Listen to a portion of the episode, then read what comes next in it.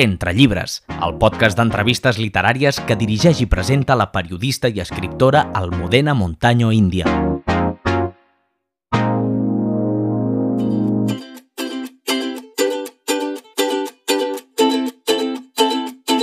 Molt bon dia, benvinguts a Entre llibres. El programa d'avui és molt interessant perquè parlarem amb un escriptor expert en llibres infantils, l'Oriol Canosa.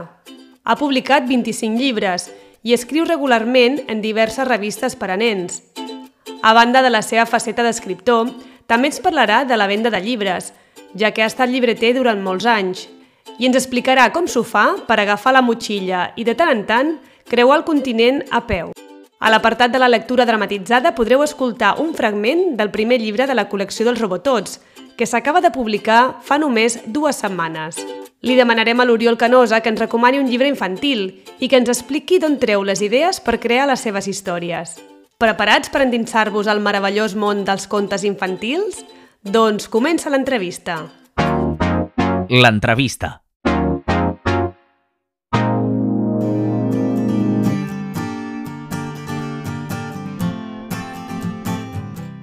L'Oriol Canosa té una imaginació sense límits que li ha servit per crear llibres infantils que transporten a indrets inimaginables.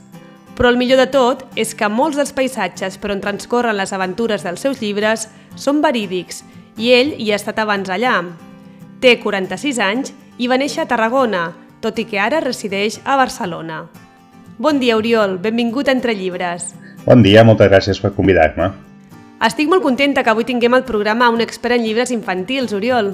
Personalment m'encanten els llibres que estan pensats per a nens, però Oriol, també és interessant que els adults els llegeixin? Sí, jo, jo crec que he fet molts anys de llibreter i, i que hi ha un munt de llibres que en principi estan pensats per nens, que pot ser per qualsevol adult o per qualsevol nen de qualsevol edat, i al revés, llibres que estan pensats per adults que els nens s'hi poden apropar perfectament.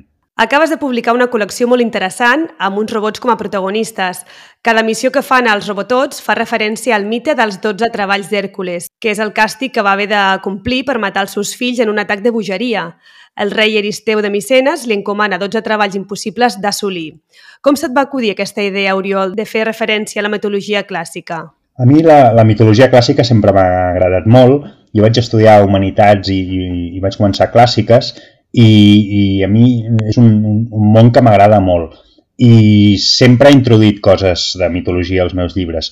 I aquest cop volia fer alguna que, que agafés els dos extrems, és a dir, la mitologia de fa 2.000 anys i, i, la, i, i una novel·la futurista amb robots d'aquí uns quants segles. I em va semblar que juntar aquestes dues coses podia, podia estar bé. I l'heroi aconsegueix els seus objectius mitjançant l'enginy i l'esforç.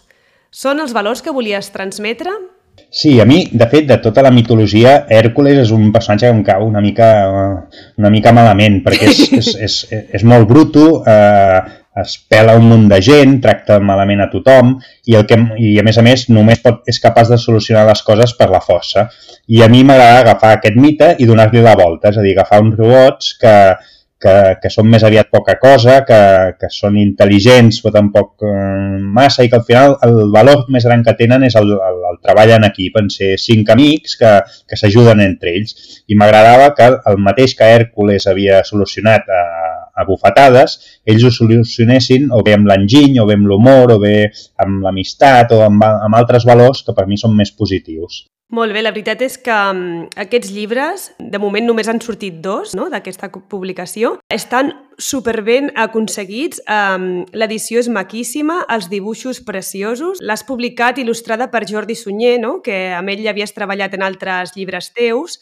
Com és el treball amb l'il·lustrador? Li passes tots els textos quan ja està finalitzada l'obra o aneu treballant en paral·lel? Depèn una mica del llibre. En aquest cas, amb en Jordi ens coneixem des de, des de que érem molt petits i hem fet un munt de llibres junts i, i ens agrada parlar-ne i ens agrada eh, treballar-ho junts. De fet, la, la idea dels robotots i el disseny dels personatges és seva. És una, una, ell em va dir un dia que tenia ganes de, de fer alguna cosa amb robots a, l'espai em va passar un, uns dibuixos que em van agradar molt i a partir d'aquí vam començar a, a treballar. Jo trobo que la feina aquesta de, de fer llibres infantils il·lustrats, eh, sobretot si és, si és aquest format en què en què totes les pàgines són il·lustrades i, ha, i depèn molt el, el text de la imatge, eh, crec que és un, un treball d'equip i un treball entre dos i que per tant està molt bé que en tot el procés creatiu, des del principi fins al final, hi juguin els dos. És a dir, que, que el Jordi tingui coses a dir sobre, sobre el que jo li envio i que jo li comenti coses sobre els seus dibuixos i que entre els dos anem, anem fent el llibre. Molt bé. Oriol, l'altre dia llegia un article que explicava que ara a les reedicions d'antics llibres infantils s'estan reduint les, les descripcions dels textos perquè els infants d'avui necessiten més acció.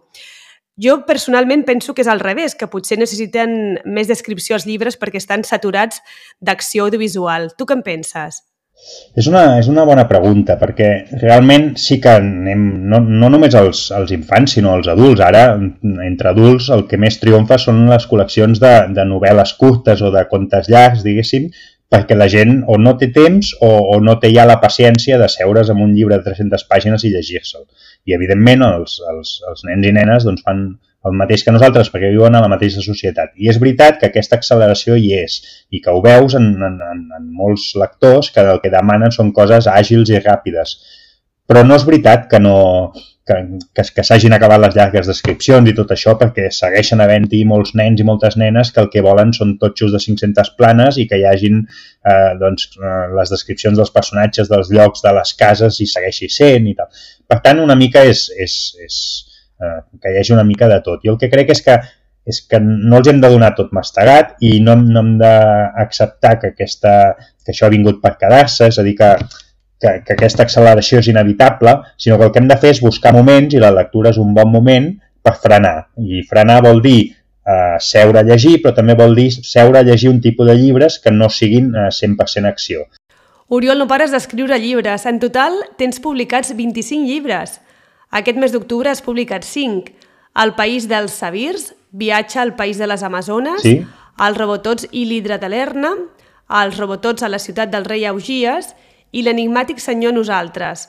Com tu fas per ser tan prolífic? Sí, ha sigut una, una, una coincidència, diguéssim, també he passat eh, èpoques en què ha passat un any sense publicar res, però el procés de publicació d'un llibre acostuma a ser molt llarg, des de, des de que comences a parlar amb l'editorial i els ensenyes coses que tens i, i et diuen que estan interessats, fins que surt el llibre, a vegades poden arribar a passar fins i tot dos o tres anys. De manera que, que, que sempre tens diversos projectes alhora, amb diversos eh, il·lustradors, diversos editorials, que, que, que van avançant. I a vegades es dona que passes una època que treballes molt però no treus cap llibre perquè ja estàs treballant i al revés, èpoques en què s'ajunten. I ara m'ha passat això, que és que en un moment he tret uns quants que sembla que els faci en un cap de setmana i no és així perquè algun d'aquests fa anys que, que, que roda, diguéssim, i fa anys que, que ja estic treballant, però s'ha donat per un atzar d'aquests. Alguns oients que t'estiguin escoltant i t'acabin de descobrir potser voldran començar per un llibre teu. Per quin els hi diries que comencin a llegir? Que és difícil perquè és, és això, sempre eh, tens com una espècie de, de, de, de simpatia pels últims que has tret o, o per l'últim que has fet, perquè són els que tens més frescos o així. Eh, què passa? Hi ha un, un, un llibre que és L'illa de Paidonèsia, que potser és el que, el que més s'ha llegit o el que, el que més ha arribat a les biblioteques, a les llibreries i a les escoles, que és una novel·la eh, curteta de, feta a base de cartes. Són les cartes que un, en Nicolau, l'Ester i un grup de nens i nenes envien des d'una illa deserta on, on han fugit per, per viure lluny dels pares, envien a la resta del, del món, pares inclosos, per una mica aconseguir tot el que necessiten per viure en aquesta illa. I és com un grup de nens i nenes munten un país propi, Paidonèsia, eh, igual que, que qualsevol país dels adults, però on només poden entrar nens i nenes. Aquesta seria una, una de, les, de les possibilitats. Sí, amb aquesta obra, l'illa de Paidonèsia, vas guanyar el Premi Folqui Torres l'any 2016, però també has rebut altres premis, el Premi a la Delta 2017, amb El Islote de los Perros, i el Premi Cavallfort 2018 amb tres articles d'aventures. Què és el que més t'agrada de rebre premis? És bonic. En aquest món de la literatura infantil hi ha una sèrie de, de premis que, que no només estan dotats econòmicament, sinó que més eh, permet, eh, publiquen el llibre i per tant és una, un dels camins per publicar. I jo hi he optat unes quantes vegades i alguna vegada n'he guanyat algun.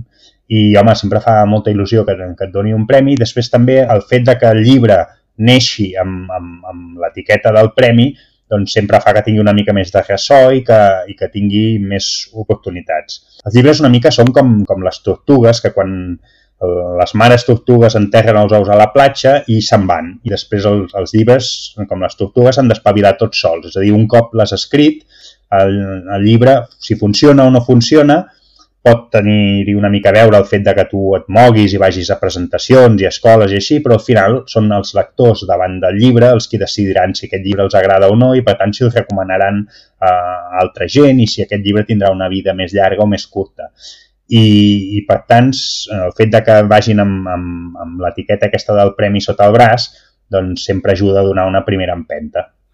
Molt bé, i a banda dels llibres, també publica regularment contes i articles de divulgació a revistes infantils, no? Podem veure't a Cavall Fort, al Petit Sapiens, al Tatano, la República dels Joves i el Cocoter. Sí. Uh, què et dona més feina, els articles de les revistes o els contes? Uh, bona pregunta. No, tot, jo, jo tinc una manera d'escriure una mica caòtica, que és que ho faig tot alhora i, i fa, sempre faig uns quants llibres alhora i sempre tinc algun article a mitges i així, i aleshores mai sé exactament quant temps dedico a cada cosa.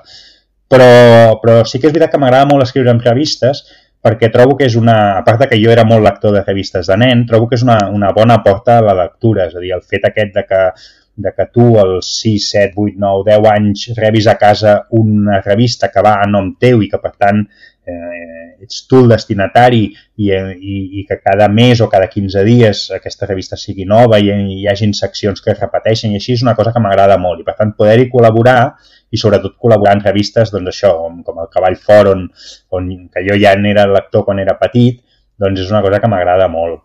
I des de l'any 2015 envies a les bústies d'un centenar de nens la revista que fas tu sí, mateix, no? Petit quart. Són notícies sorprenents, no? Però certes. Explica'ns com vas començar amb aquesta iniciativa. Doncs mira, jo, jo tinc un germà amb el que ens portem 30 anys, per tant, com que jo en tinc 46, ell en té 16, i viu a Girona, jo visc a Barcelona, i per tant ens veiem, però menys del que, del que ens agradaria. I aleshores, quan, quan ell era petit, vaig començar... Eh, jo li enviava sempre moltes cartes. Jo sempre he sigut molt d'enviar cartes, i li enviava cartes, i un bon dia eh, ell estava amb aquestes obsessions infantils de ara els planetes, ara els dinosaures, i va agafar per les zebres.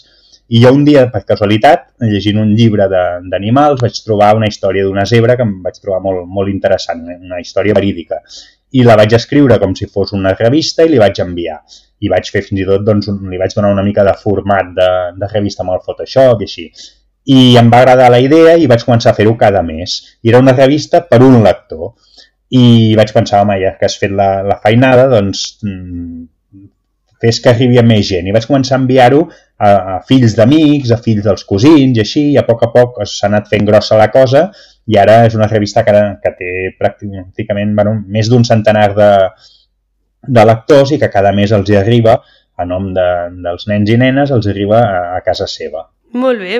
Durant molts anys has estat al capdavant de diverses llibreries, Oriol, com a llibreter deus haver aconsellat molts llibres a nens i nenes. Què és el que crida més l'atenció a un infant per decidir-se per un llibre o un altre? La temàtica, la portada, l'autor, el venedor? Com es decideixen els nens? Jo crec que no hi ha dos nens iguals amb això, hi ha, hi ha una mica de tot. Eh, tot el que has dit té, té importància. La portada té importància, l'autor té importància si ja li han llegit alguna cosa. A vegades el llibreter, a qui, a qui li tens confiança o que, o que sap com, com trobar allò que a tu t'agradarà. I, i la, la veritat és que no n'hi ha dos d'iguals i, i tampoc hi ha dues persones que siguin igual de lectores ni que li interessen els mateixos temes. Jo crec que una mica el secret de, dels bons llibreters és, és entendre qui tens davant, entendre si és lector o no, què li interessa, i que a partir de molt poques referències, perquè a vegades no, no és una persona que no coneixes de res i que li preguntes què li agrada i potser et diu només un títol, però a partir d'aquí, més tot el teu bagatge lector, més tot això, doncs saber trobar una mica què és el que, el que el pot enganxar. Pensem que els nens i les nenes, eh, fins i tot aquells que són molt lectors, hauran llegit pocs llibres a la vida i, per tant, per una qüestió de temps, i, per tant, eh, el, seu, el seu coneixement de què hi ha i de quin és l'univers de llibres que hi ha al seu voltant eh, és limitat. Ja ho és el dels adults, fins i tot els dels molt, lectors, doncs imagina't d'un nen de, de 8-9 anys que, que em porta pocs llegint. Per tant, eh, obrir-li nous mons, eh, fer-li veure que hi ha més llibres a part dels que ja coneix, fer-li veure que hi ha altres tipus de, de llibres, que, que hi ha còmics, que hi ha novel·les gràfiques, que hi ha eh, àlbums il·lustrats, que hi ha novel·les, que, hi ha, que es pot llegir teatre, poesia, eh, llibres de no ficció, doncs fer-li veure que tot aquest ventall hi és i, i conduir-lo una mica és una, és una de les, de les habilitats que, que tenen els, els, els bons llibreters. Clar, per decidir-se, no? que a vegades costa una mica. I Oriol, els llibres eh, són cars? Mm, jo crec que no, és a dir, si, si, si agafem quina és la feina que hi ha darrere un llibre i tota la gent que, que hi ha, mirem el, el preu... I... Clar, hi ha mol, moltíssima feina, no? Perquè el, a part de l'autor hi ha el corrector, l'editor, l'il·lustrador, el maquetador, no? La gestió empresarial... Clar, i, i més, uh... més el paper i la tinta, que ja és un, un, un terç del, del, del preu del volum, ja, ja és, ja és la part física, no? Més el transport, més els llibreters, el, els, els comercials, tot això. Doncs, a part de tot això, si després tenim en compte que, que en una novel·la no gaire llarga eh, i podem estar 5-6 hores de, de, de plaer absolut, que a més a més és un producte que quan te l'acabes eh, el segueixes tenint, és a dir, que no, no és un suc de taronja que quan te l'has begut ja no hi és, sinó que el tens i el pots deixar o el, el pots guardar a l'armari i tornar-lo a llegir d'aquí 6 mesos o d'aquí 20 anys, que, que, que el llibre pot seguir corrent, per tant, a mi em sembla un producte, no diria baratíssim, però, però, però quasi. És a dir, és un, realment tots els marges estan molt ajustats. A la cadena del llibre no hi ha ningú, des dels autors eh, fins al llibreter, passant pels distribuïdors, pels, per tot, tota la gent que hi ha al mig, no hi ha ningú que es faci d'hora aquí. És a dir, tots els marges són molt ajustats i, i molta part del sector del llibre mm, viu mm, bàsicament de, de, de la il·lusió de, de, de a això i de, i de, de treballar amb això, perquè segurament eh, hi ha altres feines semblants que, que econòmicament sortirien molt millor, diguéssim.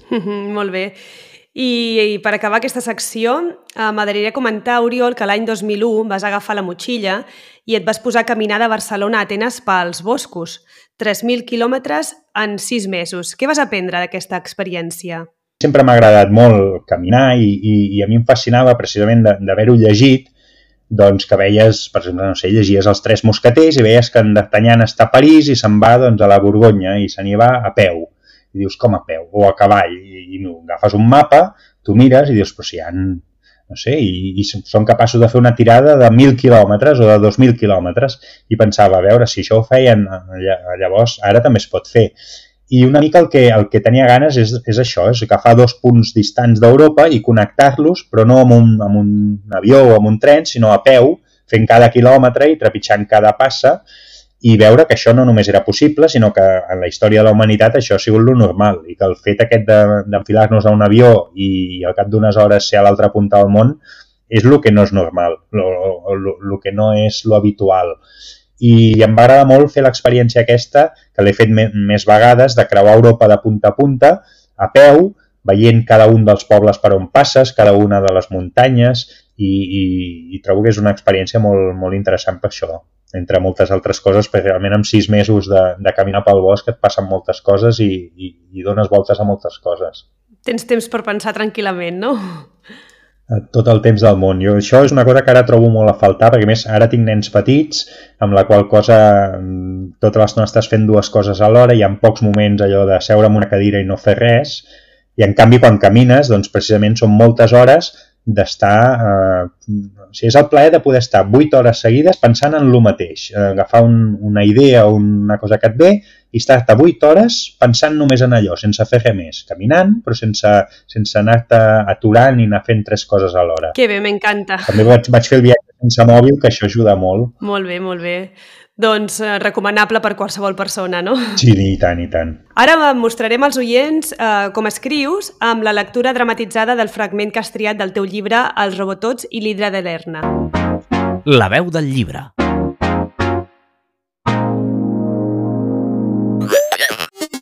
Cada tarda, un cop acabada la feina, els robots de servei de l'HMIS Hèrcules es reuneixen per veure un got d'oli de motor a la taverna per a robots del soterrani 37. I és tothom. Els robots de manteniment, els robots cambrers, els robots mecànics i en un racó de la barra, els robotots. Avui estan molt enfadats perquè s'han passat el dia desembussant el lavabo dels oficials de la nau. I no és una feina gaire agradable. Si com a mínim ens poguessin dutxar... Als robots no ens convé gaire l'aigua. És humiliant. Sóc més intel·ligent que qualsevol humà i em destinen a remenar els seus excrements. Estic desaprofitada. Els robotots no tenen una feina fixa assignada, sinó que fan allò que ningú més no vol fer. Serveixen per a tot. Bé, per a tot no. Només per a les feines desagradables, cansades, perilloses, brutes, poc agraïdes, repetitives, en llocs on fa massa fred o massa calor, en horaris absurds i sense cap mena de mesures de seguretat. Per sort, com que els robotots no tenen sentiments, no els sap greu fer aquest tipus de feines. Els que no tenen sentiments són els nostres superiors. No em sap greu, diu. Jo ploro cada matí quan em llevo per anar a treballar. Novetats literàries. Oriol, quin llibre ens recomanes als nostres oients? Jo em volia recomanar dos. Uh, el que m'agradaria recomanar un llibre infantil, mm, però recomanar-lo a adults, i després agafar un llibre per adults i recomanar-lo uh, als nens i nenes, perquè és, trobo que, que estem molt enganxats a la idea aquesta de que aquest llibre és pels nens de 7 anys i 8 anys, i aquest és pels de 12, i aquest és per adults, i, i això trobo que és una, una cosa que, que ens podríem començar a saltar. Jo sóc molt lector de llibres infantils i, i m'ho he passat molt bé llegint llibres de 0 a 3, i, i hi ha molts nens que, que s'ho passen bé llegint llibres d'adults. Aleshores, els llibres que volia recomanar són un llibre que en principi està pensat per adults, però que m'agradaria recomanar per nens i nenes, que es diu Animales Arquitectos, de uh, Gustavo Gili, editat per Gustavo Gili. L'autor es diu Juhani Palasmà, suposo que ho dic bé, i és un, un llibre sobre com els animals construeixen els seus nius, les seves coves, els seus caus, però amb eh, això, des dels mètodes de, de construcció fins a un munt d'anècdotes i un munt de, de coses que, que els humans hem anat aprenent dels animals durant, durant molts segles.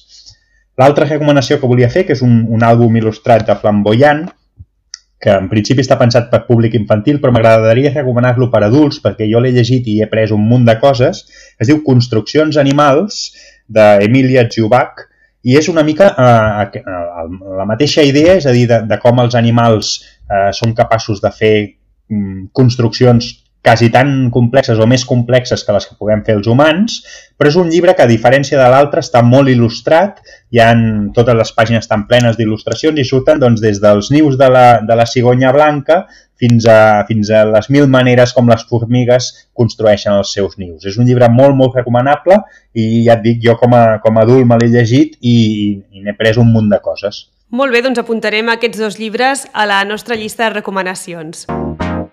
Taller d'escriptura. La darrera secció del programa Entre llibres és el taller d'escriptura, on ens podràs explicar les teves tècniques literàries, Oriol. Comencem? I tant. Escrius directament a l'ordinador o en paper? Faig una, una barreja una mica caòtica, és a dir, jo sempre porto sobre trossos de paper de, de un, una quarta part d'un dinar 4 i, i vaig prenent notes contínuament i faig fitxes i, i dibuixo mapes i tot això i després amb tot aquest material en paper escric a l'ordinador. Jo tinc un, un problema, és que tinc un dit que, que si escric molta estona em fa mal i per tant no, no puc fer tota una jornada laboral escrivint a mà i eh, el, per tant les, les, les últimes escriptures les faig sempre a l'ordinador i després corregeixo molt, tant a l'ordinador com en, a mà. A quina hora del dia escrius? A veure, des de que tinc els fills petits, el meu horari laboral s'ha reduït molt. Ara escric durant el dia i a vegades, un cop els nens dormen, m'hi torno a posar. Abans escrivia pràcticament tota l'estona que estava d'espera. El que sí que faig és aprofitar tots els moments buits, és a dir, a l'autobús o, o al parc quan els nens estan distrets, molts cops trec una llibreteta o, o, i, i em poso a, a fer feina. Sempre, a mi em costa molt desenganxar-me de, del que estic fent i per tant sempre quan vaig pel carrer tinc el llibre que estic fent al cap i vaig donant voltes i quan llegeixo llibres fins i tot que no tenen res a veure amb el tema que, que estic fent eh, agafo coses que puc utilitzar i, i per tant et diria que una mica tot el dia estic amb el, amb el llibre al cap. Si tu penses molt abans d'escriure o escrius directament no, el que et passa molts esquemes. De fet, fins, a, fins al punt que, que, per exemple, un dels llibres que, que he tret ara, que, que són unes 50 pàgines de Word, el, el guió que m'havia fet pel llibre en tenia més de 300 i, i em faig mapes i em faig fins i tot mm, fitxes d'Excel amb, amb colorets per veure cada capítol les intervencions de cadascú i tot això, soc, soc molt, molt quadrat.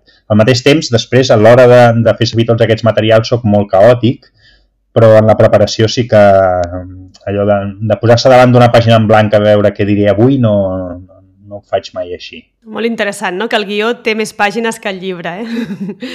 Sí, moltes més. Per mi una de les complicacions és agafar allò que, per exemple, sobretot em passa quan he de fer coses molt acotades, com un article per una revista que em donen mil paraules i el guió ja en té 3 o 4.000, doncs l'exercici aquest de retallar, de reduir, de desinflar, per mi és un, un, dels exercicis més complicats i alhora és un dels més bonics, de com, de com deixar la, només l'essència, treure tota la palla que puguis i deixar només allò que és realment important. Quant de temps trigues en escriure un llibre? Molt de temps, perquè jo en el fons sóc molt lent, encara que, que per la meva producció d'aquest mes no ho sembli, i el que faig és que, és que la majoria de llibres que faig triguen anys a sortir, és a dir, eh, tinc la idea, me l'apunto, les hores de tant en tant hi dono voltes, ho torno a posar al calaix, i a vegades m'ha passat de, tenir, de treure un llibre que fa més de 10 anys que el vaig començar i per tant sóc lent. Uh, per contrarrestar això el que faig és escriure sempre uns quants llibres a l'hora i ara per exemple n'estic fent tres a l'hora i quan m'encallo d'un en comptes de posar-me a mirar per la finestra trec el següent i m'hi poso i així no, no, no estic mai aturat. Quantes vegades llegeixes el que has escrit fins a aconseguir la versió definitiva? Moltes, no, no les he comptat mai, però moltes, moltes, moltes. De fet, cada matí abans de, de, de posar-me a escriure el que faig és tirar 20 pàgines enrere i tornar a llegir, de manera que, que cada frase al cap al final me l'he llegit centenars de vegades. Soc molt, molt, de, molt de reescriure i tornar-hi, tornar-hi, tornar-hi, tornar-hi. Oriol, qui llegeix els teus textos abans de publicar-los? Depèn una mica de, de l'època. Ara, últimament, eh, estic eh, fent alguns llibres que, que no els deixo llegir a ningú fins, és a dir, als, als editors, però a casa no, no, no, els, no els dono a ningú perquè he descobert que també la idea de que rebin el llibre ja maquetat, amb, amb les il·lustracions, amb el tipus de lletra, el paper, tot això, i el vegin per primera vegada, també fa molta, molta il·lusió. Abans sí que, que era més de donar-ho tot a llegir, i ara cada cop menys. En què t'inspires per crear l'argument de les teves novel·les? Una mica en tot. Jo crec que per eh, escriure el que has de fer és tenir les orelles i els ulls molt oberts, eh, llegir molt, veure pel·lícules, anar pel carrer, posar l'orella, quan estàs al, al bar, posar l'orella a la taula al costat. Jo sempre porto llibretetes a sobre i així vaig prenent notes i molts cops aquestes notes són de coses que no saps mm, si les faràs servir mai ni per què les faràs servir però sí que a vegades doncs, estàs llegint un llibre sobre, sobre animals i descobrem, llegeix una cosa sobre els tigres molt interessant, te l'apuntes i 10 anys després, quan estàs escrivint un llibre, dius, ai, aquella anècdota dels tigres, a veure on la vaig guardar, a veure si la podríem fer servir. Per tant, jo crec que, que la imaginació no deixa de ser una, una màquina que, que, que produeix segons què entra, és a dir, tant entra, tant surt, i segurament si ens tanquéssim en una habitació sense finestres i ens estiguéssim allà la resta de la nostra vida, la imaginació se'ns estancaria. En canvi, si, si llegim, si coneixem gent, si viatgem, si passegem, si mirem pel·lícules, si mirem, llegim el diari, la imaginació bull i, i no para quieta. Alguns personatges de les teves obres són autobiogràfics o estan basats en persones reals? Basats en persones reals, sí, tinc un, uns quants. Uh, M'agrada, sobretot, posar en alguns dels secundaris de, dels meus llibres, posar-hi o bé gent que conec i a vegades fins i tot amb noms i cognoms, així com per fer, com per després regalar-los el llibre i dir mira què t'he fet, però també m'agrada que alguns personatges secundaris estiguin inspirats en personatges reals que han existit i que, pel que sigui, a mi m'han semblat interessants. El que no ho faig sempre explícit, de manera que, que n'hi ha que es veuen molt clars i n'hi ha que, que, que potser no ho ha trobat ningú. Però sí, m'agrada inspirar-me en gent real a vegades. I on has après a escriure? Uh, jo crec que escriure se n'aprèn a la biblioteca, és a dir, se n'aprèn llegint. Uh, si tu vols aprendre a dibuixar o vols aprendre a tocar el piano, el que necessites sobretot és pràctica, és a dir, són hores d'estar assegut al piano o hores d'estar amb el llapis a la mà.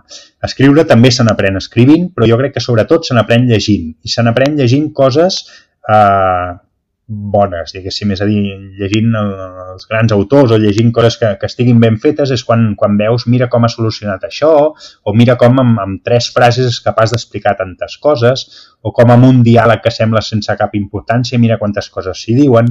Oriol, per tancar aquesta secció del taller d'escriptura, Uh, la darrera pregunta és si es pot viure exclusivament d'escriure llibres. És complicat, sobretot en un país com el nostre, on per una qüestió demogràfica som pocs i, i a més a més som un país que, que que en comparació amb altres països europeus no som excessivament lectors, és complicat. No hi ha molta, molta gent en el nostre país que s'hi pugui dedicar.